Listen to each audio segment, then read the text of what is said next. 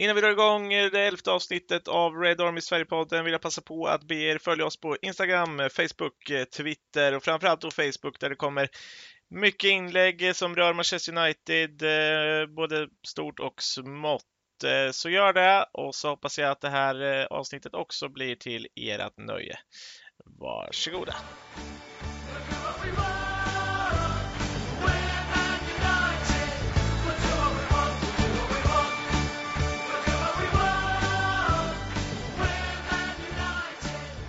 Då rullar vi igång det elfte avsnittet av Red Army Sverige-podden och eh, ja, vi är ju i de här dystra tiderna av landslagsuppehåll och grejer och eh, vi har ju haft många spelare som varit ute och spelat och sånt och vi får bara börja med att gratulera egentligen Victor Nilsson Lindelöf och oss svenskar till en, ännu ett Europaspel. Eh, men vi har lite andra roligare saker, eller roligare saker, men mer intressanta saker att diskutera när det gäller Manchester United. Och först tänkte jag väl eh, presentera mina alltid så, så trevliga och glada och snälla kompanjoner i Adam Stenberg och Mikael Krekula. Välkomna Tackar. grabbar! Thank you.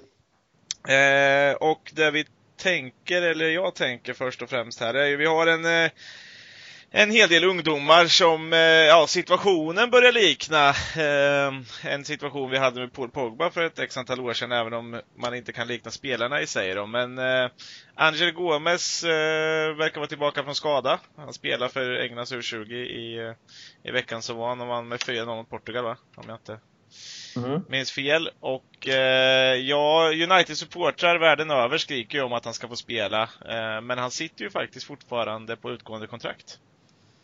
Och eh, ja, hur ser situationen ut egentligen? Hur, hur går det egentligen med, med vår käre Gomes? Ja, det är, det, är svår, det är svårt att veta säkert, men det vi vet är att han har inte skrivit på något nytt kontrakt än. Sen vet vi inte om United har erbjudit något nytt kontrakt eller så. Det har vi ingen riktig koll på. Men vi får anta att de, det är någon slags twist där i alla fall. Att, för mm, jag misstänker att Gomes känner att han, att han, att han helt enkelt inte har fått chansen riktigt. Och så, så han vill inte skriva på något nytt kontrakt. För jag har svårt att se att United inte skulle erbjuda honom ett nytt kontrakt. Så att jag tror att det är så det ligger till. Och det är lite intressant att United har hävdat att han har varit skadad. Och så, vilket han kanske har varit. Mm. Men helt plötsligt blir han uttagen och spelar 90 minuter liksom för, för Englands U20-landslag när han gjorde tre assist. Så jag skrev lite om det på Twitter. Jag, skrev en tråd om det. Typ att ja, jag tror att Gomes är rätt missnöjd med att han, att han inte får spela någonting och att och om man liknar med Pogba-situationen så, så var det lite samma sak där. Han kände, Pogba kände att han inte riktigt fick chansen. Det var ju under Ferguson, det är en tid där United vann allting. Mm. Och där det fanns, liksom, det fanns bra konkurrens. Men jag tror inte riktigt Gomes kan köpa att han, att han blir nedprioriterad framför Preira, framför Mata, framför Lingard. Mata som ännu inte gjort en poäng i år till exempel. Det tror jag han har svårt att köpa. Och, har inte Lingard heller. eh, jo, Lingard har en assist tror jag. Nej, Han- det var väl i träningsmatchen, eller var det i kuppen? Hans, en, en sidledes passning mot Rochdale eller någonting. Ja, men det var i kuppen. Han inget i, inget i Premier League i alla fall. Nej, nej det har han inte. Och Pereira har väl inte räckt jättemycket han heller. Han har en assist i, i premiären mot Chelsea. Sen hade han det lite turliga målet mot Ja, Brighton. precis. Det är, de är, han har ju ändå spelat mycket också. Ja. Nej, så det är väl det jag tror, där skon klämmer liksom. Och som sagt, jag skrev en tråd om det på, på min egen Twitter och så, så skrev Gomes eh, brorsa till mig. Bara liksom så här typ, ja men bra skrivet där. Ja, jag ska inte gå in på exakt vad han sa, men typ den andemeningen. Mm. Han menar på att han liksom höll med i det jag skrev. Så att, och jag skriver då typ att nej men jag tror att Gomes är ett lack på att han inte, att han inte får någon speltid och att han känner väl att han inte har fått chansen riktigt. Så att ja, Det jag känns... ska, inte, jag ska inte säga för mycket men det känns väl som att det ligger någonting i det då. Men det som är fascinerande här Mikael, det är att du, liksom, du lägger ju dina värderingar lite i den här utläggningen på Twitter. Och liksom menar ju på att det är ju konstigt hur det här ser ut att han blir förbisedd före spelare som man kanske inte tror så mycket på. Mm. Och liksom han ändå bekräftar dig med det. Det säger ju ändå något att du är på rätt spår enligt teorin. Det är liksom ja. inte så att han bara gillar eller bekräftar dig för att du skriver om Gomes. Det handlar ju om själva sakfrågan och det är ju liksom varför blir Gomes förbisedd? Vi har ju snackat om det här tidigare. Och man får ju lite svar på det där. Att det är visserligen hans bror, det är inte hans egna ord, men någonstans så finns det ett missnöje. Mm. Och jag har ju någonstans trott i min enfald att de har en plan för Gomes. Att det är därför han inte får spela. Att du har en fysisk begränsning. Du behöver bygga upp din, eller så här, din, din styrka. Du behöver biffa på dig. Och att Solskjaer då menar kanske att nästa säsong får du eh, speltid. Men, men det, man får ju inte känslan av det här att eh, de har den planen. Det är snarare tvärtom. att Solskjaer kanske tänker att han ska visa upp sig. Men det börjar väl att man får spela då när det är kupper och sådär. Han fick mm. ju inte ens hänga med till han får inte hänga med på vissa grejer och då är det ju omöjligt att visa upp sig. Mm. Då till att han är skadad ja. också, som du säger Micke. Att, äh, att, han, att han ska vara skadad då inför sista Europa League där till exempel. Men ändå mm. spelar 90 minuter. Det, det, där någonstans tror jag inte United tillåtit om han Alltså, Nej, om, han hade alltså, varit med i planerna han, hade, han har varit skadad precis. Att han då spelar 90 minuter för ett U20-landslag låter ju märkligt. Ja, för det är lite märkligt med tanke på, vi kan ju dra en parallell till Brandon Williams som blev uttagen till, till samma landslag, till U20-landslaget. Men han drog sig ur landslagstruppen på grund av, ja, men förmodligen har han någon slags lättare känning. Han har liksom nyss börjat spela med A-laget och så. Mm. Så att skulle United velat det så skulle de ju lätt gjort det. Mm om det fanns något slags problem där. Men ja, vi får se. Det är, som sagt, han klev av skadad då i en U23-match mot Stoke för några månader sedan. Men då skrev han ju själv att um, det, det, var liksom, det var bara en försiktighetsåtgärd. Det var inget allvarligt. Jag, liksom, jag kan spela. Mm. Så att lite märkligt. Det kan ju fortfarande vara så att han har varit skadad. Vi vet ju inte, men det ligger en hund begraven där som man säger ja, men någonting är ju begravt om inte annat. Och jag, jag tycker att det är lite komiskt att situationen i sig ändå, när jag ändå sa att det kanske är lite Pogba-liknande, är lite roligt att på en mindre skala där Pogbas bror går ut och skriver massor och säger till massa medier så, så söker sig Gomes bror till en lite mindre media, oss här på Red Army Sverige. eh, men, men det ger ju någon, som sagt, någon indikation på att, eh, att han inte ens, att han inte har ett kontrakt ännu. Och det är var det du som sa, det är ju bara någon månad kvar så får ju faktiskt han och eh, mannen vi snart ska prata lite om också tänkte jag, Tahit Chong, diskutera med andra klubbar. Ja precis. I januari får de börja prata med andra klubbar eftersom de inte har skrivit på något nytt kontrakt. Så att, och båda de lär ju ha ganska bra erbjudanden. Så att, ja, men jag tror att Gomes skulle älska att spela i United men jag tror att han känner, det är min teori, jag tror att han han känner att han inte får chansen, att han liksom inte blir sedd och han, han tycker att han ser vad vi ser.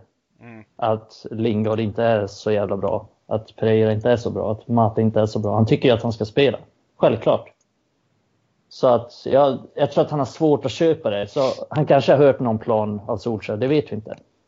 Men i så fall lär jag ju inte köpa den planen i alla fall. Och det vet jag inte heller om jag gör. Så att jag, jag tycker att om Gomes inte vill skriva på nytt kontrakt så kan jag inte säga bara att han är dum i huvudet för att han inte gör det. Jag, jag köper det helt. Jag tycker också att han ska få spela mer. Och om jag tycker det, då ska vi inte ens snacka om vad han tycker. Självklart tycker han det. Han är nog jävligt, han är nog jävligt irriterad på att han inte har fått spela mer. Det skulle jag vara. Ja, och det, när man såg honom i den där, ursäkta mina hostningar, men i hans, eh, den där urspelmatchen mot Stoken då också. Alltså han såg ju inte, han ser ju inte, såg inte jätteglad ut när han spelade heller. Alltså då, det var ju sist jag såg honom egentligen. Eh, han, han, ser ju inte road ut av situationen att springa runt i U23 när han känner att han bör ha en chans i A-laget. Eh, framförallt, och jag tror att det har med det du säger att göra, att de spelarna som är framför honom då inte är spelare som kanske bör vara framför. Ja, det är, ja, det är det som måste svida mest tror jag. Mm som sagt med Pogba så fanns det ju konkurrens som gjorde att man kunde köpa att han inte fick chansen. Jag tyckte i och för sig redan då att Pogba skulle ha fått spela lite mer. Där Ferguson gjorde ett misstag, tveklöst. Mm. Men, men det, det gick ändå att köpa på något sätt. Men det här är lite mer, det är svårare att, att acceptera Ja. det här. Och hade, vi det haft, hade vi värvat en Madison i somras, säg att det hade hänt och han hade spelat och gjort det lika bra som han har gjort i Leicester, ja men då hade Mm. ju ingen kunnat sagt så mycket. Men Ja, nu är ja, vi inte i den precis. situationen.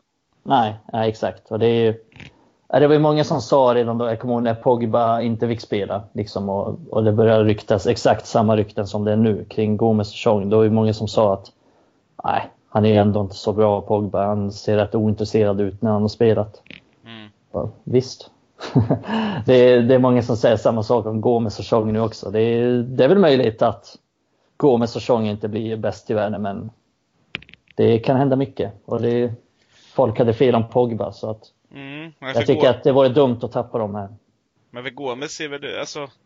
Jag tycker det är en jävla skillnad på Gomes och Chong Ja, men precis, för Chong har vi ändå något att jämföra med. mm. Det känns som att Chong ändå har bevisat att han har mycket kvar. Jag tycker inte att Gomes har hunnit bevisa i år att han har mycket kvar. I, i rent teoretiskt skulle han kunna hoppa in nu och göra jättebra ifrån sig. Mm. För vi vet inte. Chong däremot ser ju att han är begränsad. Mm. Sen om han går till en annan klubb och blir bra. ja, Jag tror kanske inte det där på kort sikt. Men om tre år så kan han vara grym. Oavsett om han är United eller i Juventus eller vad vi säger. Mm. Men just Gomes där, det känns ju... Jag har ju trott som sagt i min fall att det finns någon tanke där med han eftersom att han har begränsningar. Inte som nödvändigtvis påverkar hans position, för man behöver inte vara någon kraftmonster som offensiv mittfältare. Men om det finns någon kärlek för att han är så tunn, han väger så jäkla lite. Och även fast man kan jämföra han med spelare som Iniesta Silva som inte behöver vara bitiga. Så väger han extremt lite och är väldigt liten. Men den kärleken Mm. tror inte jag han känner. Han känner bara en exkludering just nu. Mm. Han känner att Andre, Andreas Pereira är kass, men ändå får inte jag spela.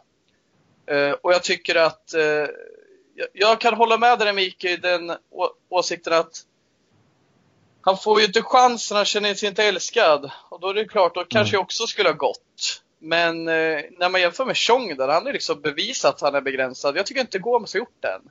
Nej. Man har varit så försiktig med Gomes verkar det som, med korten på bordet nu, att det håller på att äventyra hela han. Alltså det här snackar vi om, det, det är fan, du skrev det i rankning av våra talanger, det är vår näst största talang. Och det är för att Greenwood råkar finnas. Han ska Mm. egentligen vara vår största talang. Ja, Men all- han har ju alltid varit, ja, han har ju alltid varit liksom, det har snackats om Gomes i akademin i, i, alltså det har snackats om honom i tio år på riktigt. Folk har snackat om, när han var liksom 8-9 år så har folk uppmärksammat honom. Så att det, han har alltid varit den största talangen i akademin och han, är, ju- han var ju bland de yngsta som någonsin har debuterat i Uniteds A-lag liksom och, och så. När Så Gomes det- gjorde debut mot Palace, det var 2016 va? Eller var det 2017? Det var under Det var- eller? Nej, det var sist. Nej, Mourinho. Mourinho, Mourinho. var det. Det var Mourinhos. Okej. Det var ju då så här, alltså det, det är det som är lite grejen här också. Som man kanske ser, och jag säger inte att det är rätt, för jag vill att Gomes ska spela. Och jag vill att han ska få visa upp sig. Och om han nu är för klen, då vill jag se det på kvittot, Mm. vilket är fem Premier League-matcher där han är kass. Mm. Mm. Men han är lika liten som för två år sedan. Det finns ju något där. Han borde ju, något borde ha hänt. Inte, alltså, han är klart han inte har växt, men han är inte direkt mycket bitigare. Och det är väl något där man ser. Nu, nu går inte jag på logik, jag går bara på vad är det man, varför spelar man inte Gomes? Vad är det Mm. som händer bakom kulisserna? Nej, Vad är det man ser på träningarna? det känns som att han har blivit hängd efter en mindre bra insats på ett konstgräs i Holland. Ja, det vore helt efterblivet om man gör det. Ja, han men det, men det, ur position med Juan Mata liksom. Det är ja, helt... det, det kändes ju, men det känns lite som det också. Ja, att, han, alltså, eh, att det har någon inspegling i allting också. Vilket som Ja. sagt är sjukt om det nu är så. Ja, för Sean kan jag ändå hålla med om. Han, när han har spelat så har han varit så pass undermålig att det liksom var tydligt. Men, men Gomes, snackar vi Gomes så har han ändå tillhört bland de bättre i laget när han väl har spelat. Även man, om, även om han inte var bra mot Alkmaar så var ingen annan det heller. Det var liksom Nej. inte Jag så att... säga det, var någon bra mot allt? Nej men exakt, det var inte så att Mata bara gjorde en förstklassig insats och Gomes kunde knappt ta emot en boll. Det var inte så det var. Utan Nej. han var ju... han var inte sämre än någon annan. Men det har ju Chong däremot varit. Han har ju varit sämre än någon annan och det blir ganska tydligt att han inte är redo. Ja, och han ska spela på den där positionen i så fall, där vi har Rashford och James. Eh, och det där är ju svårt att slå sig in för honom. Samtidigt så är han ju på tok för bra för att springa runt och spela i U23, det märker man ju också. Där har han ju lekstuga när han har spelat. Chong tänker du? Ja, Chong ja. Ja, Eh, ja. eh, Så att han, det är ju så typiskt exempel på eh, ge honom ett kontrakt, låna ut honom. Se till att han får speltid A-lagsfotboll fast i, i lite sämre motstånd. Mm. Eh, Det är ju ett jättetypiskt exempel på en sån spelare som behöver det. Ja, det, det tyckte jag redan i att vi ska, vi ska låna ut honom direkt, men tydligen så vill han inte det själv. Ja. Men det ska man kanske gå emot ändå. Nej, jag vet inte. ja. Eh, och Då behöver han kanske någon bättre rådgivare. Ja, Får hyra in dig Micke. ja det, det tycker jag. Det, det är ett jobb jag lätt hade kunnat ta. Ja. Eh, Nej, men, men som sagt, det är ju, det är ju knepiga situationer och, och det är ju ändå, alltså de klubbarna som har ryttats har väl varit Barca på Gomes vet jag och Juventus på Chong. Framförallt Mm. va. Eh, Ja, ja Juventus är ju masters på att plocka free transfers. Så. De lär ju vara och sniffa. Och de har ju lyckats bra från United innan som sagt. Ja, Fotbollsvärldens Ove Sundberg, Juventus. Smarta affär. Joel Sundbergs smarta affärer. Ja, Jag ser Ja. Juventus-loggan med en lila jacka liksom. Men de glider in med ett lånekontrakt men kommer därifrån med en spelare gratis utan att ha lånat honom. Det är ungefär så. Det är lite Ove Sundberg. Det är inte de stora inkomsterna som skapar rikedom, det är de låga utgifterna. Ja. Eh, Men bara för att sy ihop lite där med Gomes så känner jag att får inte han speltid nu när vi är klara i Europa League och vi liksom har Colchester i kuppen en ganska angenäm lottning. Då, då är det ju någonting som är tokskevt. För jag tror inte det handlar, då handlar det inte om att han inte ska få spela. Då handlar det, om, alltså då handlar det något om att man är någon twist. Att Ja. Du får inte spela förrän du kritar på. Eller, Mm. vilket skulle innebära en slags moment 22. Han vill, inte, han vill inte skriva på för att han inte får spela. Och de vill inte att han spelar för att han inte kritar på. Det Mm. vore ju mardröm. För då är det ju kört alltså. Ja, men det kommer bli svart på vitt när vi möter de avslutande matcherna i Europa League. Colchester. Då kommer det bli svart på vitt hur det ligger till. Jag skulle säga att det redan kommer mot Astana där nästa vecka. Ja, ja men precis. Man det- följer upp det här då. Mm. Ja, Ja, men precis. det Det, blir en uppföljning nästa vecka får vi se. Om inte, ja, vi får se när vi släpper podden men eh, annars blir det veckan efter. Då får vi ju det där. Mm. Det är riktigt svart på vitt för då har det gått en helg till också med Premier League där. Eh, ja, och eh, när vi ändå nämner Premier League så kan vi ju då knyta ihop säcken med Gomes och Chong och säga att vi möter Sheffield United på söndag. Mm. En match eh, mot ett lag som jag tror ligger före oss. Eller hur ser det ut nu? De ligger femma va? Ja, de ligger femma va? Jag är nästan säker. En poäng Eh, för oss i tabellen. mm. Precis, och det är ett lag som eh, har öppnat starkt. Eh, disciplinerade bakåt och bara släppt in eh, jag tror nio mål på 12 matcher. Om jag minns rätt. Ja, det är bra. De har en bra målvakt. Ja, precis. En målvakt som blev månadens spelare va? Eller vad blev han? Han var med i, han var med i kategorin. Han var eh, nominerad. Nominerad va? Ja, Mm. nio mål stämmer. De har släppt in näst minst mål i Premier League. Det är bara Leicester som har släppt in ett mindre. Eh, ja, inte gjort... Sheffield är ju så här en av många lag som liksom kommer upp, har inte varit uppe på ett tag och ju liksom dundersuccé från början och kommer ju stagnera när serien vänder. Mm, Känslan är ju lite så. Reading var ju där i, när de hade Steve Coppel som tränare. Och alltid en, Ja, ny, alltid en nykomling som börjar bra. man Ja, trodde är ju ändå att Norwich skulle bli det laget efter den starten. Ja, och det är lite typiskt för att de är så jävla hypade inför säsongen. Så kommer Sheffield United där lite och smyger. Men Mm. de kommer också bli exponerade. Ja, men det är också för att Sheffield United, alltså, det passar ju bättre att komma till Premier League och liksom få 0-0, vinna 1-0 på en fast situation än att Mm. försöka spela ut Premier League-lagen som Norwich försöker göra. Mm. Och, Det är li- eh, ja, Det är de lite som. Mm. Blackpool med, när de gick upp för några år sedan. De var ju också där riktigt eh, skräll upp åkte upp skräll, eh, alltså på playoff, Huddersfield playoff för några år sedan. De liksom är jättebra ifrån sig i början, sen stagnerar de. Och det handlar ju om det där att man, klart man har koll på favoriterna och scoutar dem, men Blackpool, det tror man att man ska liksom slå av. Sen är släkten värst och Craig Cathcart nickar in en hörna om han liksom förlorar på Bloomfield Road. Och... Ja men det är det, och tittar man på spelarna de har så är det ju ett, en hög med Championship-spelare. Och inte mer än så. Det är, jo, någon det är ett gäng League One-spelare också som ja. har hängt med hela vägen. Ja, men det är ju helt sjukt vilka, vilka lirare de har. Men lite det här, eh, Dean Henderson har väl ändå visat nu att han håller Premier League-klass i målet, men, men Billy Sharp, eh, alltså jag ser ju, jag ser ju flera namn. Norwood, kommer inte han från United? Jo. Det gör han. Yes. Eh, och eh, Besic, den gamla Everton-värvningen, kommer jag ihåg för det många herrans år sedan. Eh, Ravel Morrison. Ravel Morrison, John Fleck.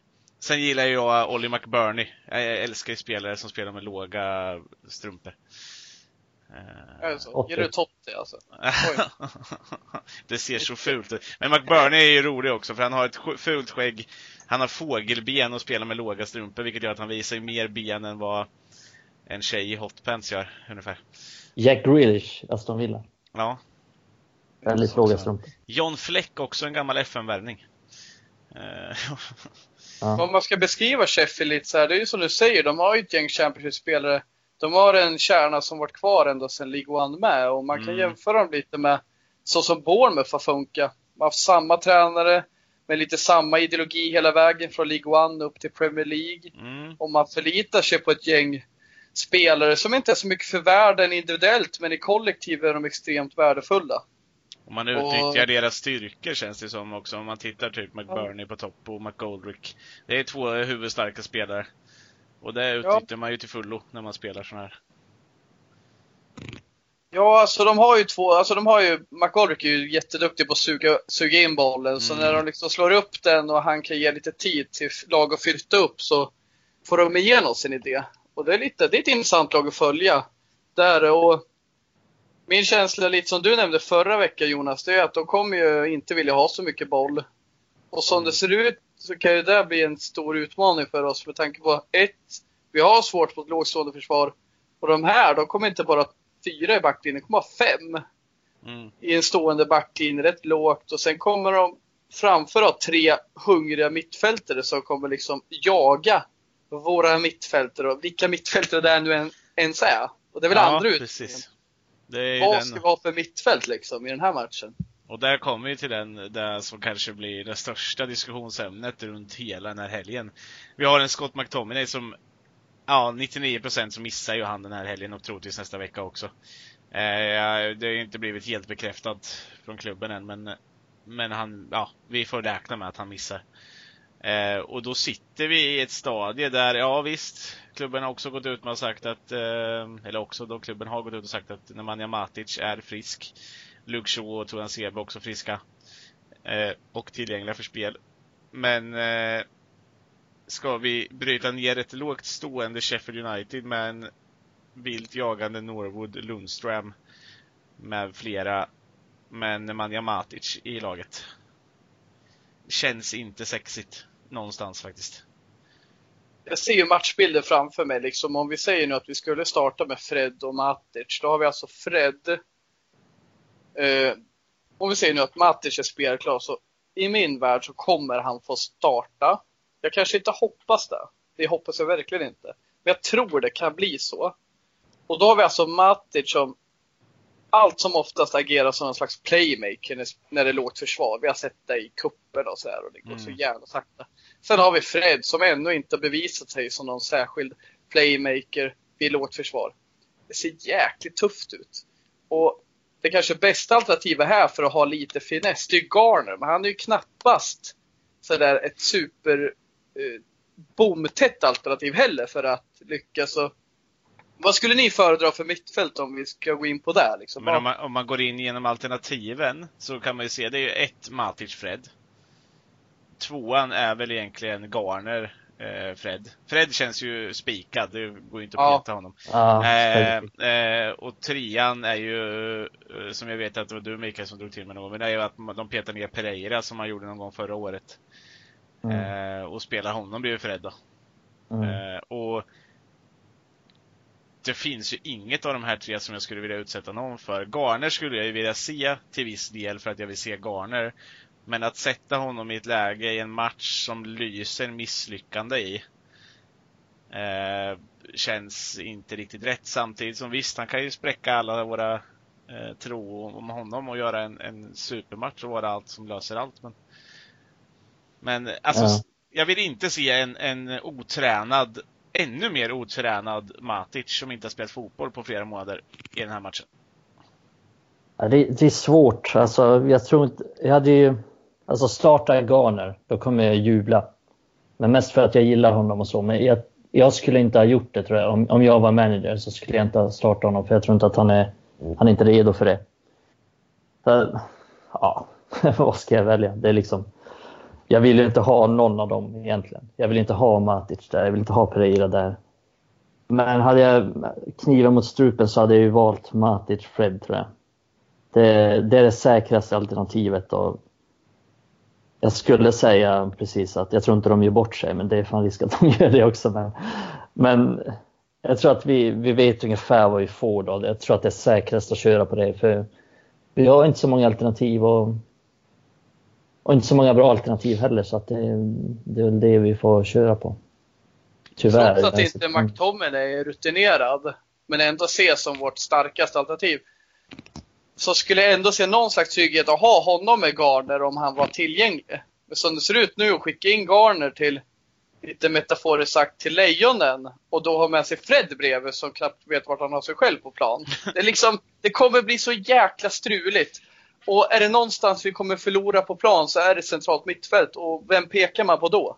Mm. Alltså det är där, Mm. det är inte så jävla schysst. Sen, jag håller med dig Micke, jag skulle bli glad för han är ju fortfarande en stor talang och han kan ju ta över den här matchen men Får man välja liksom, är inte den här matchen man vill ta in honom i kanske? Nej. Bramall Lane mot tre centrala mittfältare. Och det kanske låter lätt, vi ska slå en nykomling, men så funkar det inte idag. Vi, vi kan knappt vinna på bortaplan. Mot det sämsta lag i Championship känns det som. Eh, det, det handlar så mycket mer än kompetens, det handlar om psykologi. Ja. Och jag vet jag vill inte utsätta Garner för det, så det är, alltså, det här är prekärt. Alltså. Ja, jag, jag tänker så här att jag hade... mm, Jag vill inte se Garner med Fred för att jag ser inte Fred som någon trygghet. Som du säger, Fred har knappt koll på sig själv. Jag hade kunnat köpa om till exempel, mm, säg Garner spelar med Matic.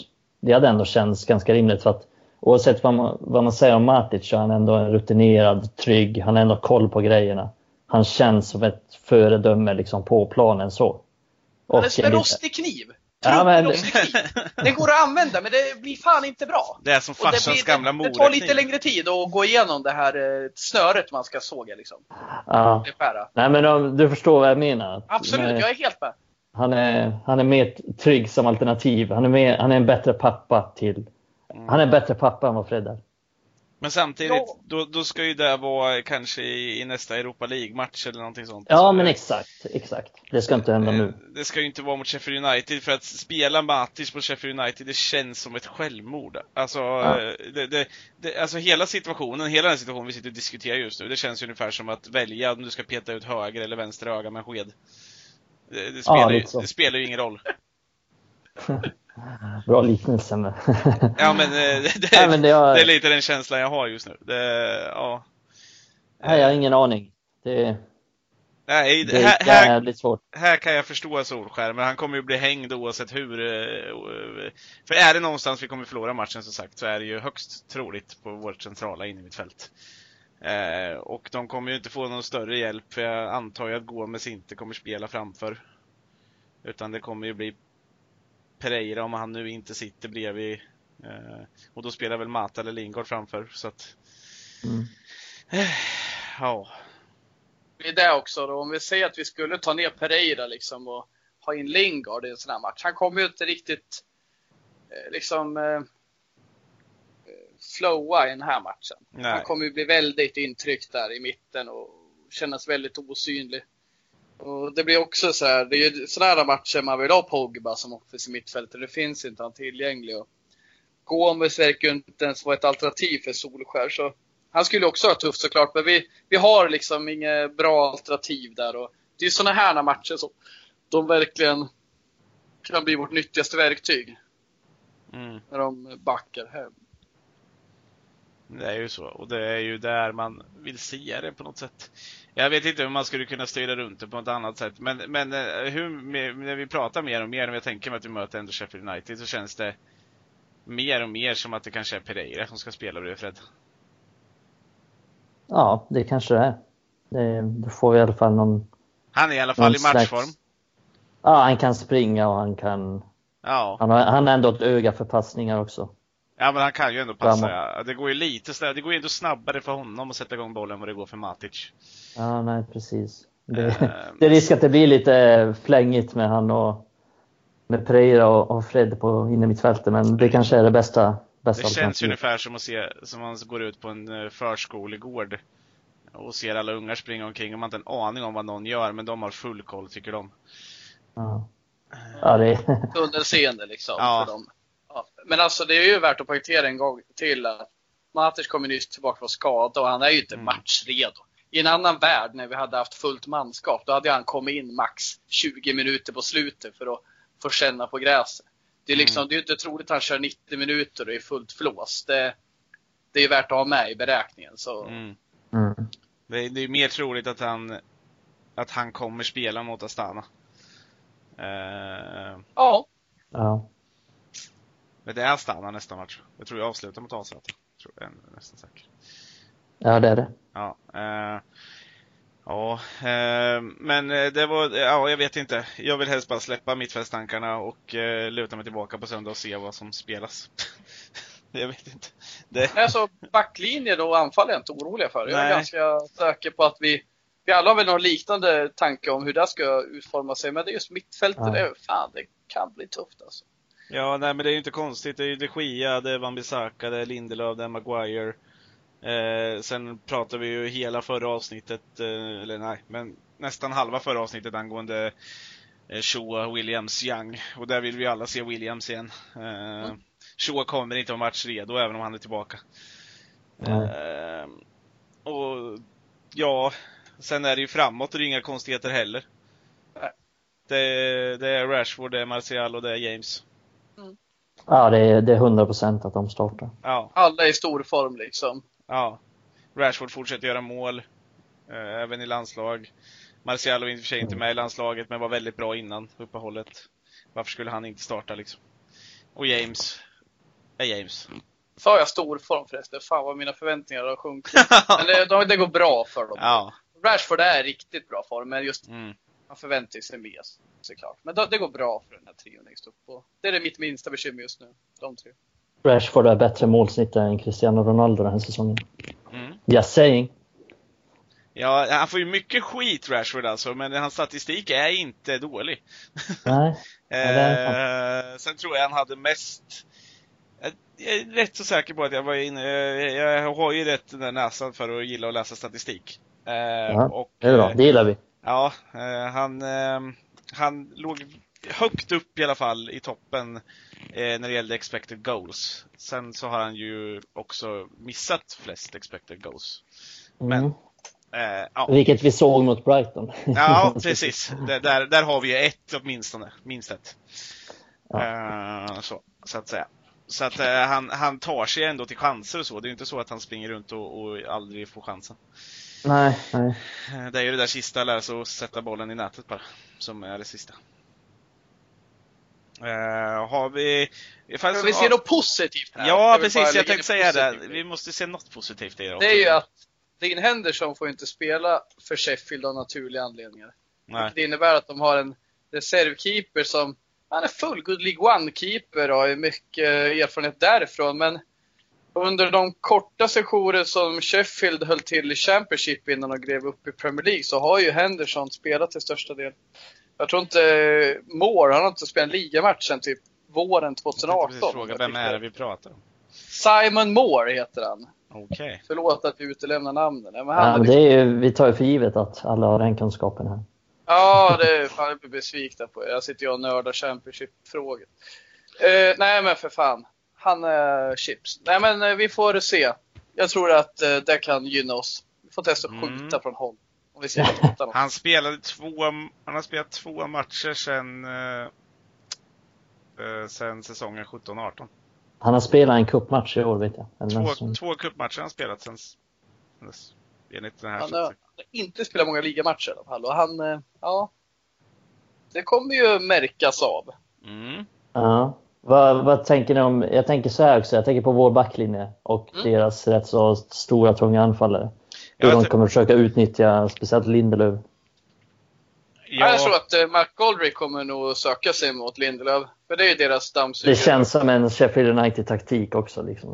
mm. Ja, ja, det, är- det, är- det är så tydligt. Alla vi, om vi hade varit tränare hade vi satt eh, löpningarna på Maguire och nickbollarna på Lindelöf. Och det är lite hur de förvaltar den situationen, att de börjar, ta, eller börjar samarbeta med varandra. För det kan ju inte vara helt jävla statiskt där bak. Man måste ju samarbeta liksom. Mm. Ja, jag kände säger, det som en... Jag ser det som en ganska stor utmaning faktiskt för Lindelöf och Maguire. Visa sitt samarbete nu och visa att... För det här kommer bli en tuff, tuff uppgift för dem. Ja, för att det känns väl ändå som att det är rimligt att de kanske startar en utav McBurney och McGoldrick och Lysmoset bredvid. Mm. Någon av dem. Jag tror absolut det blir Mose och eh, Ja, ja, Ja. McGoldrick tror jag. ja. jag tror- jag tänker, jag tänker också att det är antingen McBurney eller McGoldrick och sen Lysmoset bredvid eftersom de vill ha en som kan löpa också. Och Moset är väl den som Mm. löper Mm. mest utav de där tre. Uh, Och då har vi inte ens nämnt Billy Sharp. nej. EFL goal scorer of the decade liksom. Ja, Där har vi en spelare som gjort många mål kan jag säga. I de undre divisionerna. Ja, det är han. Det är klassisk Championship um, målskytt. Mm. Sen man kollar livescore, Billy Sharp. Ja, bräker i mål. Men i Släkt med Lee Sharp är- kanske. Ja. Nej, de har hittat en samma sak tror jag. De har många anfallare och då har vi inte ens nämnt Leon Clark. Nej, men det är väl inte, om du snackar chips på mål så är väl Leon Clark, för fan det är ju inte ens OLV, det är ju det här B-märket man köper på Lidl. Eh, Det är det, är det brittiska chipset Lace. ja, herregud. Ja, nej. Han fick väl knappt spela förra året vad jag hörde, utan han hoppade in typ första gången nu i, eh, i eh, Premier League. Ja, ska vi fortsätta nörda in oss lite där så kan jag säga att det är ju för att McGoldrick kom från Ipswich. Ja, Börjat ta över Mm. lite mandat i Yorkshire där. Ja. Ja, vi behöver inte nörda in oss för mycket på McGoldricks ersättare i Ipswich är Will Keane. Michael Keanes brorsa. Just det. Ja. Fan vad Ja. synd att det inte gick bättre för han. Han hade jag fan tankar om alltså, Will Keane. Ja, mycket skadad. Han drog, jag tror att han har två korsbandsskador till och med. Så att det kan han ju skylla på. Mm. Nej, trevlig kille. Faktiskt snacka med honom lite. Du har ju Ja. snackat med alla. Du känner för många. Men eh, ja, runda av det här snacket med någonting då. Och vi eh, kan ju inte sluta med tippningen. Framförallt inte när jag leder så jävla stort. Ja, men börjar du då Jonas så ska jag säga samma som dig. Du får inte ångra dig. Nej, okej. Eh, då säger jag... eh, du ska bara byta målskyttar alltså eller? Eh, Nej. Nej, okej. jag säger 1-1. Vi släpper ju in ett mål minst. Och sen tror jag ändå vi får in ett. Så att eh, 1-1 och... Eh, ja, Martial dunkar in den där bollen. Jag säger eh, 1-0. Till United. Rashford, ja. Han sätter en frispark från långt håll. Oj. Rimligt. Jag säger... Ja, jag Simon säger... Moore står vid stolpen när han skjuter. Och tittar på domaren. Och, Ah, han ställer upp muren eller? Mm. Han skjuter. Ah, jag tror på 1-1 jag också, men Maguire i mål. Släkten är värst. Hoppas Holmgren kommenterar. ja. är det någon mer släkten i värst som gör mål på United då eller? Också? Ja, det är väl eh, Norwood. Norwood i mål. Distansskott. Som tar på Maguire och går in. Ja, det hade varit något. Mm. Eller så är det Maguire som glömmer bort och dunkar in en hörna i egen kasse. Nej, det, nej. För, för Enligt utskåp... mina beräkningar så kommer det inte hända. för Drömmer sig tillbaka när han spelade fa Cup-final U23 mot Mm, United. Hur var det. Micke? Han körde ju Nej, U18. U18. Ja, FA Youth Cup. Ja, just det. Ja, Mot Pogba var det va? ja Pogba Lingard. och Lingard och Raven 2011. Morrison som... Ja, och Morrison som nu också är i, är i Sheffield United. Just det. Och Michael Keane och Will Keane.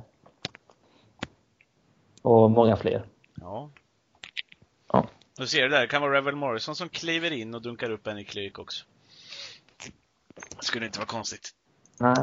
Eh, nej, men eh, det känns som att vi eh, kan rulla vidare från Sheffield då. Så att vi tar oss vidare till alla dessa frågor vi har fått in. Och vi rullar vidare med eh, frågorna som sagt. Eh, och eh, som start på frågorna så börjar vi med Instagram och där har vi Esan Alan som kommer med en fråga större än Jabba the Hutt. Vad behöver vi för att nå toppen igen? Och den bollar jag snabbt vidare till ja, Mikael, varsågod. Ja, det, det är en bra fråga. En stor fråga. Nej, men det. Ja, det första vi behöver få in, det mest viktiga också tror jag, vi behöver få in en sportchef helt enkelt som, som strukturerar upp lite hur, vi ska, hur klubben ska skötas, vilka värvningar som ska komma in. För det är ålderdomligt att ha en, att ha en manager som sysslar med allt sånt. För då, det kommer bara resultera i, som det har gjort innan, att Mourinho värvar flera spelare som han vill ha, sen blir han kickad och så gillar inte Solskjaer de spelarna och så vidare. och så vidare. Det är ohållbart, det fattar liksom alla. Så att, nej men det är, en sportchef, det är, det är det absolut viktigaste. Vi måste få in en sportchef som kan, som kan styra upp det och helst en bra en också. För att för att, för att, för att, nej men det, vi måste helt enkelt få in den strukturen i klubben och för att sen tror jag att resultaten kommer komma av sig själv efter det. Alltså vi, gör vi rätt där så är United en tillräckligt stor klubb, en tillräckligt bra klubb för att locka till sig spelare, för att locka till sig det bästa och, och då kommer saker och ting falla på sin plats. Så det är, det är det absolut första. Sen finns det lite så här, ja men glazer out liksom. Woodward gör ett bra jobb så länge han inte får hålla på med fotboll för han är en bra businessman. Så nej, en sportchef in så det är väl det viktigaste. Ja, och långsiktigheten någonstans där. Vi har pratat om tidigare i podden att Solskär ska få lite tid. Vi har sagt att han har gjort ett bra jobb till en början här nu med ombyggnationen och truppen. Mm. Eh, och får han då lite hjälp av en sportchef så leder ju det till, eh, till att han säkert kan fullfölja sitt arbete att rensa och göra rent i den här eh, så långt gångna soptunna som kallas trupp. Kanske till och med Solskjaer som sportchef.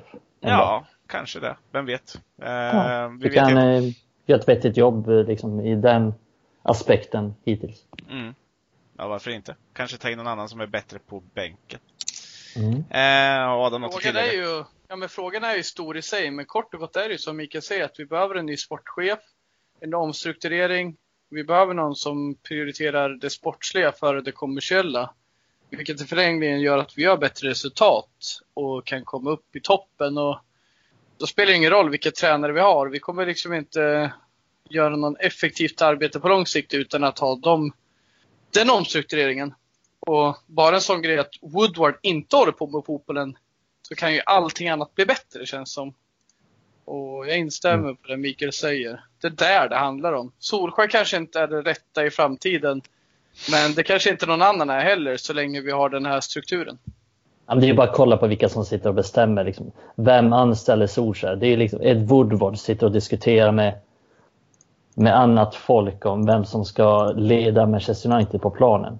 Det är ju, Ed Woodward kan ju inte fotboll. Det är, ja. Nej, oavsett vad man tycker om Solskär och jag tycker ju om honom. Men oavsett vad man tycker så är ju sanningen i att det var ju ganska enkelt och kanske lite oundvikligt för eh, Woodward att anställa honom i den stunden. Mm. Och, Det var lite populistiskt. Ja men absolut. Bra ord och, och det är ju där det, det handlar om. Och då har han ju fansen med sig och helt plötsligt är han kungen. Men samtidigt så allt annat han tar är ju liksom, det finns ju ingen långsikt i det. Nej. Långsiktighet menar jag. Nej. Eh, nej, hade han, hade han gjort någonting annat än att anställa honom i det läget så hade han ju eh, troligtvis blivit halshuggen på öppen gata. Eh, vi hade gått tillbaka till medeltida auktioner där. Ja, lutar ju mer åt det här hållet i alla fall. Eh, Men eh, ja, vi får väl svara kort på en sån stor fråga känns det som. Annars kan vi gräva ner oss här i tre timmar om vi ska diskutera allting. Mm. Nej, men sportchef är väl liksom. Mm. Vi kan landa i sportchef. Ja. Eh, och för att glädja Stefan Magnusson som vi lovade att vi sparade lite vad han frågade ju angående värvningar och så eh, förra podden. Och vi har ju lovat lite silly och vi har ju fått lite silly-frågor här också. Folk Eh, älskar Silly. Folk älskar Silly. Eh, det är ju dock tidigt och eh, det är inte så mycket konkret. Eh, men eh, vi kan ta Charlie Jönsson för han skriver här nu också. Eh, på Facebook. Vad tror ni är realistiska värvningar? Vilka tror ni kommer? Kommer det någon alls? Ja, Ehm, realistiska värvningar, ja, en sån som om vi ska gå på där, där vi faktiskt har mest att gå på så är det ju Erling Bråth Haaland. Haaland. Ja, hur han nu uttalas. Eh, anfallaren i Red Bull Salzburg. Eh, som har gjort stor succé eh, i Champions League och, och målskyttet har han ju tydligen inga problem med. Eh, men där har ju faktiskt hans pappa varit, som också är hans agent, varit på Carrington. Och käkat lunch med Roy Keane. Var Roy Keane där? Ja. Eh, och att han är där, ja, någonting tyder på att han är i Manchester i alla fall. Och att vi börjar närma oss ett transferfönster och då är det klart att spekulationerna går igång. Eh, sen är han väl gammal vän också med Solskjärs, med Solskjär tror jag. Han har spelat med honom. Och lite sådär. De spelar vi tillsammans i landslaget. Mm. Ja, Och, eh, så, och så var han ju någonting, eh, ja just det, men Haaland har ju spelat under Solskjär också i eh, Molde var det va? Eh, ja, ja, Mm. exakt. Eh, och där har de väl också varit inblandade med varandra. Eh, så att det är ju- Erling alltså, han har spelat Ja. under Solskär. Ja, precis. Ja, alltså Erling har sonen. spelat. Ja, sonen har spelat under Solskjaer. De andra har spelat ihop i landslaget. Eh, Så de känner varandra sedan tidigare tydligen. Eh, Det är väl det vi har att gå på. Det skulle väl kunna vara en realistisk värvning. Eh, Ser inte att det inte skulle kunna gå att genomföra även om jag tror att det blir dyrt. Ja, med nog mycket pengar så... Alltså vill United ha honom Mm, så kommer de få honom. det tror jag med. Det tror jag. Det är Sen ska vi, så pass... sen ska så vi pass, säga att den eh, lilla tjockisen är inblandad i det här också. Eh, Mino Raiola har ju haft ett finger inne i, i Erlings liv tidigare. Han var väl inblandad i övergången till Salzburg till exempel. Ett tjockt finger. Mm. Ett tjockt finger ja. Eh, En, en människa som eh, har fingret inne i väldigt många övergångar om man säger så. Eh, ute i världen just nu, känns det som. Och, och som det ser ut där, situationen med Raiola, så enligt rykten har väl han någon slags konsult åt de här två Mm. i den kommande affären, vilket kan vara ganska tråkigt om man inte gärna har med honom att göra. Men skulle det bli så att han går till United innebär det ju nödvändigtvis inte att han är där och drar i trådarna. Nej. Det handlar ju kanske om att han konsulterar vad som är vettigt att göra under en övergångsfas. Mm. Medan hans farsa kanske fortsätter är hans agent och rådgivare under daglig basis. Det är ju i alla fall vad jag intalar mig om det nu skulle bli något sånt för jag vill inte ha med Raiola att göra. Nej, och, och den diskussionen har vi ju hållit rätt öppen i, i vår grupp, kan man väl säga. Eh, om vad man tycker om Raiola och inte, men eh, vi, vi har ju med Raiola att göra redan nu, ihop med Pogba. Och vi vet ju vad som kan hända och det blir ju rätt mycket negativt eh, när Raiola vill flytta på sina spelare. Mm. För då tjänar han ju pengar. Det är ju till Mm. hans affär liksom. Så man får inte glömma det. Mm. Men eh, lite sådär ha, Haaland, Haaland, Haaland. Mm. Håland. Jag. Norrmannen. Ja. Anfalla. Kan Jag bli något. Jag känner ju spontant för Sille, ska vi ha in någonting så är det ju centralt mittfält alltså. Mm. Det är ju Ja, det är det som nu, är ja. mest det är mest akut tycker jag också. Om någon säger så här till mig, liksom, men vad fan, Fred och McTominay har varit skitbra. Och så här, ja, men du har rätt, det är ju så. Jag kan inte säga något annat, de har varit jättebra på sistone. Men Mm. kan jag garantera ju- att de är jättebra över hela säsongen? Nej, fan, det känns nog jävla tunt. Och Men vi det har kopplas vi ju en- inte ihop med någon. Vi kopplas ju inte ihop med en enda inne mittfältare egentligen. Ja, men det är, ju Bruno, det är ju. Bruno Fernandes-kopplingen som fortsätter. Ja, Eh, men Lite smått. det är inte Eh, riktigt ja, det jag tänker. Framdraget ur arkivet liksom. Det känns inte som det liksom rör sig någonting. Man, man kör in där med kvasten och försöker hoppas att något dammar upp, men Nej, Sporten kom ju undan med att betala den där. eh, För det har ju tydligen kommit bud i alla fall i somras från United. Och eh, de, Sporting fick ju betala den här viten då som om de tackade nej till ett bud som var över något speciellt så fick de ju betala pengar till Bruno Fernandes. Och det har de ju Ja. tydligen gjort. Eh, Ja. Ja, det blir väl typ Mandzukic som kommer in eller någonting sånt. Ja, och det vill jag ju inte det. ha. Alltså det vill vi ju inte ha. Men det, det finns en risk och jag vet att Solskjaer sa väl något sånt där att eh, det är inte säkert att det kommer någon, det kan komma en, det kan komma två. Uh, Mandzukic Eh. har inte spelat en match sedan april tror jag. Han har inte spelat en enda match den säsongen.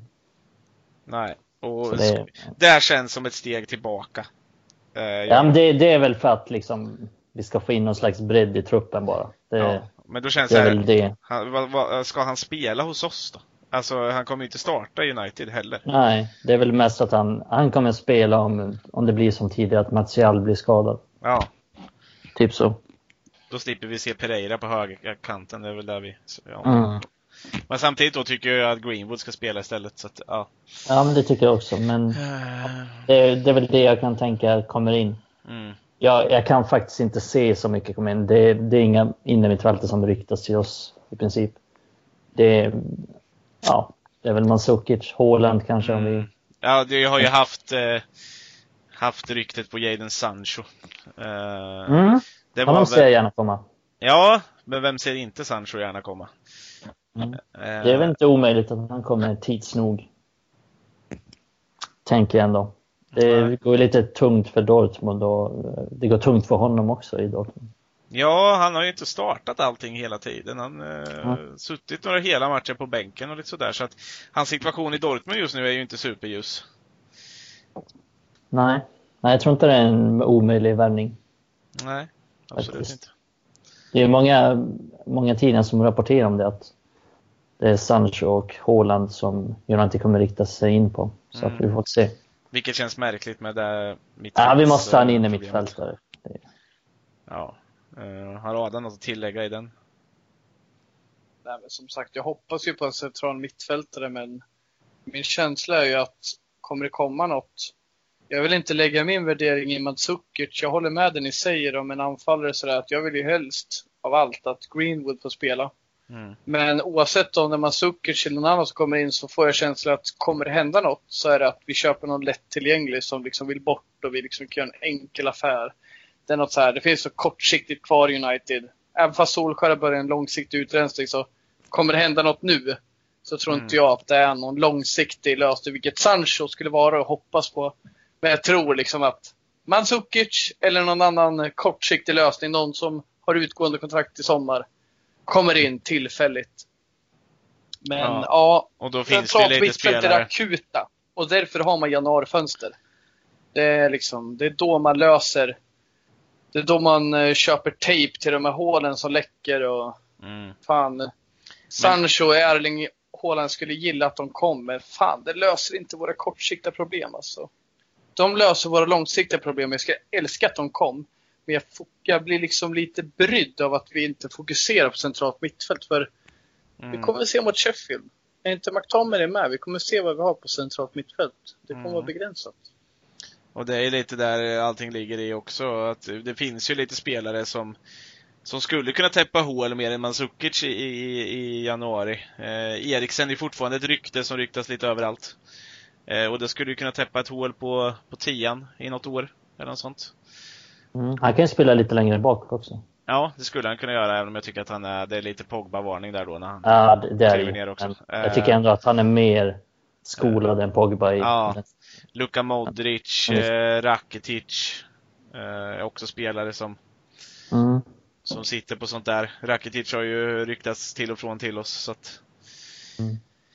Eh, det, det kommer ju röra på sig lite i januari tror jag med de där spelarna. För folk vill inte släppa dem gratis än utan de vill säkert ha ut några kronor för dem.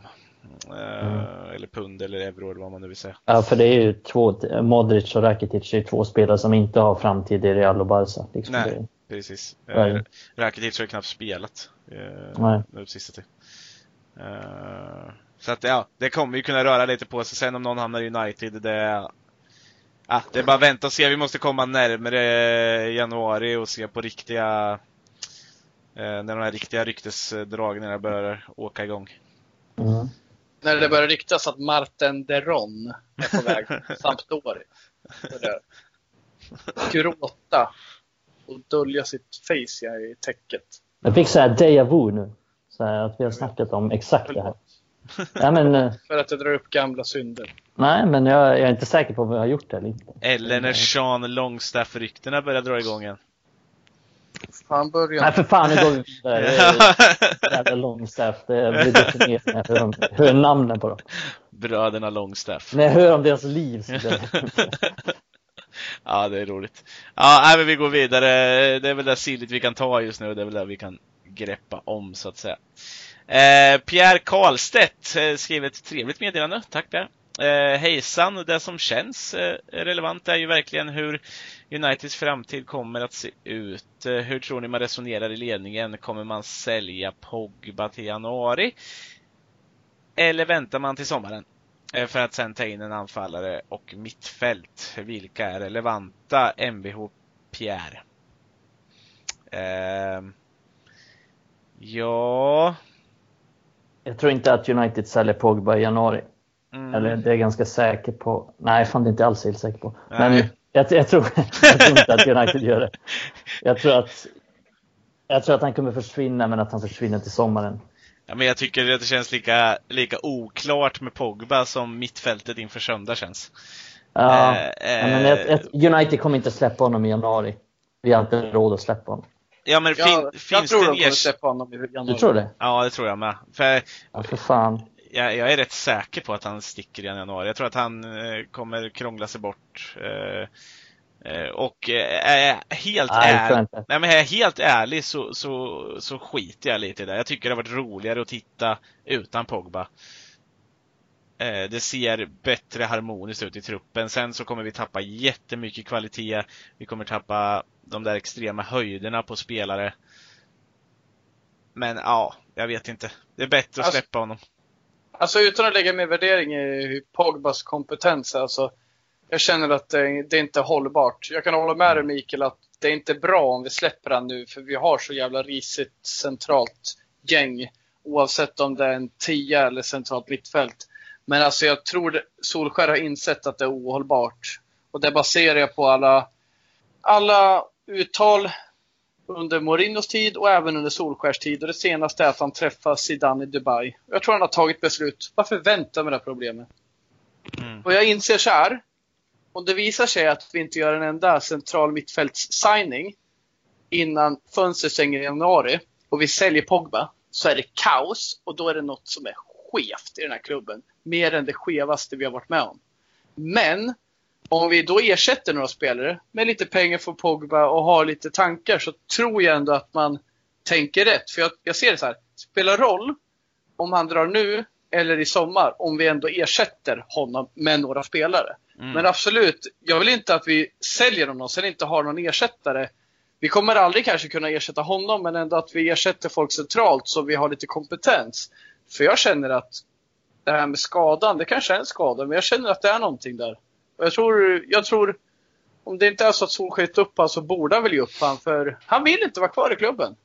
Mm. Ja, men Och jag, tror jag att, tror, tror att vi kommer kunna ersätta honom i januari. Det är det jag tvivlar Vi vi, kommer inte, vi kommer inte kunna göra det. Vi kommer inte vi kan kunna inte hitta in... en ny Pogba. Det kan vi nej, inte göra. alltså, nej, det kommer vi inte kunna göra. Men säg att vi, vi har en, liksom, en ersättare. Det är, ja, men, ta exempel eh, Aaron Ramsey. Det är, jag vet att Aaron Ramsey liksom inte är aktuell, men, Mm, men säg det. Vi kommer inte kunna få den spelaren vi vill ha i januari. Det tror jag inte. Vi kommer kunna få Haaland från Salzburg, men vi kommer inte kunna få Madison från Leicester i januari. Jag tror att Men under sommaren så kan vi få Madison från Leicester. Förstår du vad jag menar? Ja, absolut. Det är därför jag tror att Pogba kommer att vara kvar. För vi kommer inte kunna få den vi vill. Mm. Och jag tror ändå att... Ja, men säg om Fast- Solskjaer säger till Pogba. Du får gå, du får gå till sommaren. Det är helt okej. Fast Ja, det det finns ju ytterligare sista dimensioner halvåret. där. Det är att varför ska han vilja vara kvar ett halvår till om man vet att han inte vill vara kvar? Ja, men. Ronaldo var ju kvar en säsong. Ronaldo var kvar en hel säsong när han inte ville vara kvar. Till exempel. Ja, men Ronaldo hade ju vunnit allt han kunde med United. Han hade ju ändå kvar lite känslor för klubben på något vis. Jo, jo. Men Pogba det, har ju kanske inte ens varit inställd av senaste året. Och jag förstår vad du menar, men alltså, jag tänker så här också. Bruno Fernandes är ändå ett tydligt rykte och jag har ändå fått känslan av att han var besviken för att han inte blev släppt av Sporting. Om det är Mm. Uniteds fel eller Sportings fel, visserligen, det vet vi inte. Men alltså, jag tror att Fernandes kan komma in och ta en någon slags roll på mittfältet. Jag vet, inte, han är väl central mittfältare, liksom offensiv central mittfältare. Han är väl Mm. lite tia va, Bruno? Ja, han tror att, jag tror att han kan spela båda och. Både och. Och då kan vi liksom Ja. ändå ersätta det vi vill få ut av Pogba idag. Vi vill Ja, få ut att han ska vara en central mittfältare som offensiv. I Bruno har vi någon som dokumenterat spelar så. Men, eh, ja, men jag tror absolut bara säljer honom nu. Men sen också, fan vi kan ju inte sälja han om vi inte ersätter med någon. För då har vi ännu sämre mittfält. Fast jag, är inte, jag håller inte riktigt med där heller, för jag är så här. Eh, Jag förstår vad du menar med att Ronaldo stannar ett år till, men jag, jag kan inte jämföra de två. Eh, Det blir konstigt. Alltså för han som sagt ändå vunnit allt med United. Han säger hela tiden att han är så tacksam för United-tiden. Det kommer du aldrig höra Pogba säga. Alltså men inte vad, rakt vad spelar det för roll? Ja men, men och sen så jag tror så här, alltså min tanke om det är ju att om vi behåller Pogba det här halvåret och han surar ihop ännu mer Det kommer surra ännu mer negativitet runt allting Det här färgar av sig på typ, alltså kolla när Pogba var som bråkigast ett tag tidigare Hur dåliga var inte Rashford och de här då? Mm, Men jag, jag tror inte att Pogba är så orimlig liksom att han, att han tänker bara "Få- Måste jag vara kvar Nej. i fyra månader till? Jag är inte Det så säker inte. på att han, eh, att det inte Det är tror jag så. inte. Ja, jag, det där är jag inte säker på. Du, jag är med på vad du menar, men jag, jag Ja. tror att han kan vara så orimlig. Jag Eh, kan det känna så här, när det kommer till avdelning Pogba eh, lite förpestar truppen som man gör. Jag kan känna så här. Han har inte varit den bästa ambassadören internt i truppen. Han har varit jävligt bra i vissa matcher. Och han var fan nyckeln när, när United var som bäst nu när Solskjaer tog över. Mm. Jag känner att hans attityd mot att han vill vidare, han snackar om andra klubbar. Det klingar inte väl med mig, med truppen. Att han säger så utåt, det gör att andra spelare tänker, vad fan ska jag vara kvar här när liksom den bästa spelaren som anses som ledare ibland, man får kaptensbindeln ibland. Han är negativ, varför ska jag vara positiv i det här gänget? Det jag vill komma till med det här, det är att om att ha kvar han under hösten nu, det är lika illa för Solskjaer som att ha kvar han under våren. Så jag känner nu, ska vi ta tag i problemen nu eller skjuta upp det? Jag tror att om Solskjaer nu ska tänka långsiktigt och märker att fan, Pogba och Raiola träffar, nu var inte Raiola på bild, men Raiola är alltid med i bakgrunden, träffar Zidane i Dubai. Det är klart det finns något där. Och ska vi vänta med problemet eller göra slut på problemet? Jag tror att Solskjaer kommer göra det i januari. Jag hoppas på det. Men ja, nej, alltså jag vet inte. Det, Ja, Jag- men jag- jag också, jag tror inte Ultimat så vill jag också ha en snabb lösning på det. Liksom. Jag vet ju också att han inte vill Han vill ju inte vara kvar förmodligen men, men för men mig jag flyttar ser ju inte att vi får in den spelaren vi vill ha i januari. Det är där lite problemet är. Men skulle den spelaren bli tillgänglig i januari, den som vi vill ha som ersättare, då fine. Men för mig, för, Då kör vi på det. för mig flyttar jag hellre upp Levitt också och säljer Pogba. Och jag, jag får klara mig ett, en vår på det. Alltså, men Ja. det, det, är, för, det är för mig. Alltså förstår du Ja. vad jag menar? Det, Ja. Sen tror jag inte att det här kommer hända, för jag tror inte att man säljer utan att ha någonting klart. Men Nej. ja, jag vet inte. Det, det här är ju en diskussion som, som rör upp lite känslor, för jag vet ju att det finns både eh, pro Pogba och, och liksom eh, Pogba out, så att Mm. Det, ja. Det är en diskussion som går, det är också så här, man får vänta och se. Vi kommer ju få resultat på det när vi väl kliver in i januari. Och vi kommer få resultat på det nu, för han beräknas ju kunna vara tillbaka till City-matchen, så att eh, vi får se om han dyker upp då. Mm. Mm. Mm. Eh, nästa fråga. Eh, och jag tänker att jag, jag kan ta den här lite snabbt då. Eh, Fishnik Nicky Kirimi skriver Eh, Chongs kontraktsituation? Frågetecken Pogba 2.0 och det har vi ju pratat om. Så att det känner jag att du har fått svar på. Eh, samt hur bör man resonera kring vänsterbackspositionen om Williams fortsätter spela positivt, det vill säga även när Shaw återhämtar sig. Eh, hänvisar dig till eh, avsnitt 10, där vi spenderar otroligt mycket tid eh, om det här. Avsnitt 10, det är alltså vårt senaste vi spelar Ja, precis. Det är det senaste avsnittet. Eh, så att eh, det är bara att gå tillbaka ett avsnitt på på Acast eller på Podcaster eller på Soundcloud. Eh, även scrolla ner lite bland inläggen på Facebook-sidan så, så kommer du hitta det. och då rullar vi ner till Andreas Markusson. Det blir väl också en snabb fråga tänker jag. Kommer Sanchez tillbaka i januari? Hur hanteras det i så fall? varför skulle han komma tillbaka i januari? Alltså, han tänker väl kanske att han är utlånad till januari eller så. Nej, jag vet inte riktigt. Men han är utlånad hela säsongen så han kommer inte komma tillbaka. Han är, det, det är väl om han skulle bli skadad liksom hela säsongen. Ja. Eller någonting. Men han är skadad nu, men som jag förstått det är han skadad till, till årsskiftet. Alltså typ en månad till eller så. Mm. Ja, kort och gott kommer inte spela United i alla fall. För blir han skadad Nej. så, så lär vi inte se honom. Liksom. Exakt. Han, kommer han tillbaka så är han skadad. Liksom. Det, han kommer inte spela United. Kommer inte bli något problem. Kanske någonsin igen. Vad sa du? Förmodligen inte. Han kommer förmodligen inte göra en, en match till i United någonsin. Nej, hoppas vi. Och om det är så, skulle vi vilja ha honom då? Nej, alltså. Nej. Inget ont om... Äh, det är också mycket, det är mycket rykten om Sanchez att han inte han är inte särskilt omtyckt i truppen och det var han inte i Arsenal heller tydligen. Så att... Nej, jag tror inte det är någon fanbärare när vi ska bygga nytt. Liksom. Det Nej, det bygger runt rätt. Sanchez. Nej, det... Nej. Nej, men tyvärr. Det... Jag har inget emot Sanchez personligen. Det, det funkar bara inte. Nej, nej, och jag är med er eh, i den frågan. Eh, Jonathan Pettersson Strömgren skrev Gomes försvunnen? Frågetecken, frågetecken, frågetecken. Eh, vet inte exakt vad du menar med frågan, men Gomes har vi ju pratat om eh, i början av avsnittet, så jag hoppas att det har svarat för vad du menar. Mm. Eh,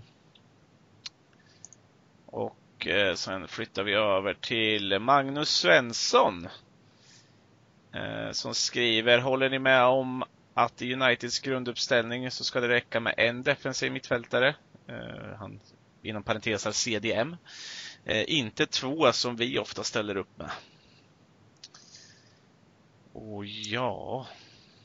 Där kände jag liksom att, alltså han, som han uttrycker att ska jag, det ska ju vara så i fram, framöver egentligen att vi ska kunna vara lite offensivare tycker jag. Jag tycker att lite som en en 4-1-uppställning, väldigt offensiv då. Där vi liksom trycker upp mer spelare på deras planhalva och börjar ställa frågor där istället för att spela runt lite mer längre ner i planen. Det, det, tror jag på, men jag ser inte att det kommer hända nu, för vi har inte den kompetensen. Vi har absolut inte den eh, formen. Vi säger om Matic hade varit i sin prime så hade det funkat, men som han ser ut nu så är det långt ifrån han är vår enda CDM. Mm. Men jag ser att vi skulle kunna gå över till det när vi har spelare som klarar av den rollen och faktiskt också klarar av det här pressspelet vi vill hålla. Mm. Jag tycker Wilfred Ndidi i ja. Lister sköter det jävligt bra. Alltså du tog det där, det där namnet drog du rakt ur hjärnan på mig tror jag. Vi gjorde det? Det var ja. så här, en tid, det, det, det, en, jag har en kompis med mig som har tjatat, som också är United-supporter, så in i bomben. Han har tjatat om en Ndidi tror jag i tre år nu. Um, och eh, jag är ju högst villig att hålla med om att det är en spelare som skulle kunna göra precis det som du pratar om. Men det är en sån här spelare som liksom rensar framför backlinjen och ändå får spelare framför då i Leicesters fall som Madison och Thielemans och liksom inte behöva fundera riktigt på det här bollvinnande. De får mig pressen sådär, men de behöver ju inte, alltså, de behöver inte jogga upp sig i onödan. Han gör ju som någon Leicester-spelare hade refererat till, att han jobbar ju för två eller tre på mittfältet. Så det gör ju att vi kan vara lite mer offensiva och eh, slacka lite på defensiva arbetet. Mm. Så pass fråga, absolut. I framtiden tror jag att vi ska där för att liksom få mer effekt på det. Men som det ser ut nu, så nej, vi, vi klarar inte det just nu. Nej. Och eh, med det sagt också så tycker vi ju att vi ska rensa i, i Leicesters lag som vanligt.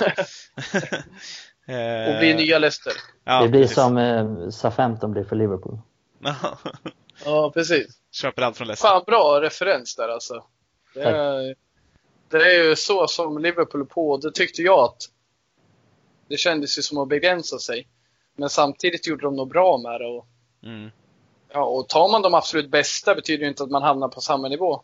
Nej, nej, nej. Men eh, Southamptons fall var det ju liksom Mané och van Dijk och sådär. Lalana. Men i Uniteds fall då skulle man kunna ha nu Maguire och sen Madison, men det är toppklasspelare som spelar i en klubb som eh, friar, friar till att spela Champions League-fotboll. Eh, Det är väl de två. Och sen en Didi kanske. Ja, Tre sådana spelare och sen lite eh, vad vi kan locka från importer och sådär. Från andra Mm. ligor. Och precis. det blir ganska bra. Får vi se vart en sån här som Ben Chilwell hamnar också. Det är ju... Vet jag inte om vi behöver en vänsterback i United, men eh, jag vill ju helst inte att han ska hamna i typ City eller något annat av de här lagen. Eh, Byta Chilwell mot Shaw. Ja, 50 miljoner pund och en årsranson med kalvefond. Då är vi fan hemma med den affären, eller? Det blir ingen bonus. eh, Shaws bonus blir kallfond. Det blir inga pengar. Är det så här, det slutar med att de får direkt låna ut honom till Plymouth Argyle liksom. Och, ja, men för oss går det ju bra. ja. Jag tror på det. Jag ska lägga det så. Och hela motståndarfansen sjunger bara “You fat bastard” varje gång han rör bollen. Det är så det ska vara i League One. Solskjaer har ju lyssnat på oss förut, så att eh, jag tänker att varför inte nu? Ja. Eh, ja, nej, jag tycker att... Då får Uh, jag bara, Filan, vet du vad jag hörde på podden? ja, ja, det är extremt kul ändå. ja, Magnus hoppas jag är nöjd med det svaret. Jag tycker att ditt svar är bra Adam. Det, eh, som sagt, vi är inte redo för det. Nej. Nej, och så är det. Eh, När Matic var i sin prime så är vi, var vi redo, men inte nu. Ehm, eh, vi flyttar vidare till en fråga som är extremt riktad till dig Mikael. Oj. Mm. Staffan Söderlund eh, skriver så här. Gärna en utförlig genomgång av Lärd och Levitt i U23. Vilken typ av spelare är det? Vilka styrkor och svagheter har de? Hur nära är redo för A-lagsspel är de? Och så vidare. Varsågod. Ja.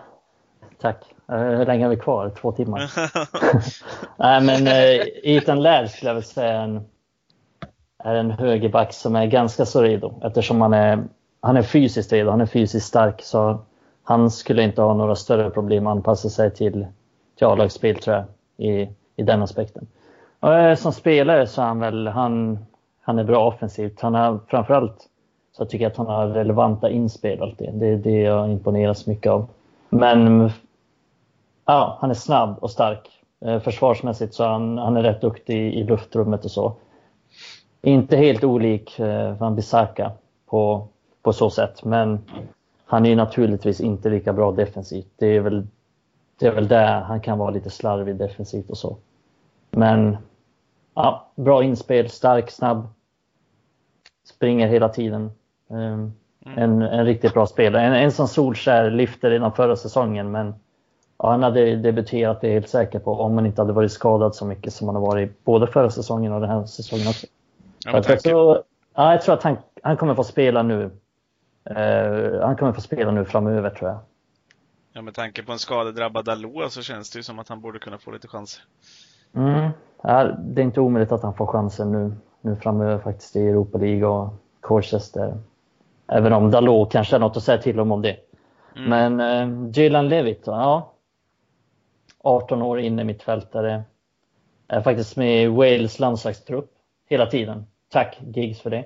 Nej men eh, som spelar väl han, han, han är också lite av en sen, sittande mittfältare mer. Eh, väldigt bra passningsspelare, det är väl hans största styrka. Att han är en han är extremt bra passningsspelare, väldigt säker.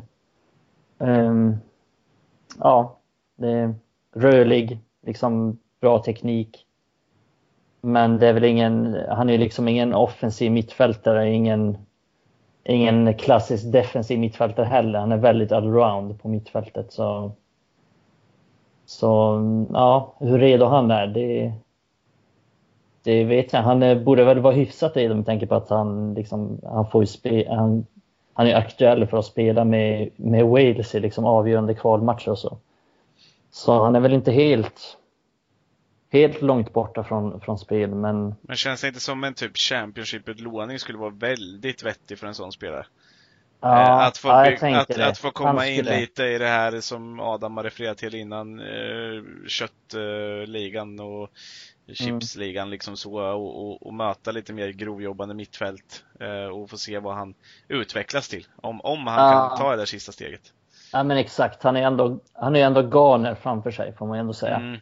Just nu, som spelar på samma position och inte helt olika spelare, även om jag inte skulle säga att de är likadana, men de är inte helt olika. De konkurrerar liksom ungefär om samma plats. Så att absolut, vi har ju råd att låna ut honom. Vi behöver inte stressa med honom. Jag tror inte att Dylan Levitt kommer få spela någonting den här säsongen.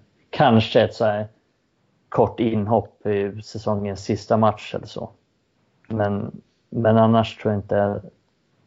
Ja, men utlåning till Championship, det är absolut, jag håller med. Mm. Eh, ja, där har väl inte varken jag eller Adam så mycket att lägga till om vi... eh, jag vet inte om Adam har det, men Nej. eh, nej. Utan det känns ju som att det är, det är vad det är. Eh, lär som jag sett i alla fall. Och hoppas på väldigt mycket. Och Levitt har vi också sett, men som du säger. Jag kan inte annat än hålla med dig Mikael. Det är som vanligt någon form av orgasm för öronen när du, när du pratar om sånt här. Killgissar. Ja, precis. Ordentligt. Det var faktiskt eh, fråga, sista fråga. Eh, och tiden har runnit på, som vanligt. Vi är bra på att prata. Eh, men jag tänker att jag ska tacka er grabbar för den här podden. Hoppas att ni är nöjda, att ni har fått svar på era frågor och så.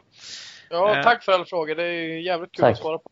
Ja, väldigt kul. Ja, men Bra precis. fråga. Och vi vill alltid ha mycket frågor. Och har vi inte mycket tid att svara på alla så nej, absolut, då ber vi om ursäkt för det. Men den här gången har vi ändå svarat på de vi har fått. Eh, och eh, har ni undringar eller vad som helst om podden så är det bara att ni skriver till oss på, på Facebook-sidan. Eh, Eller Twitter eller Instagram. eller Instagram eller Twitter. Kanon. Men för mig är det bra idag grabbar. Jag tackar så mycket för snacket. Och det är lika trevligt som vanligt. Hej då!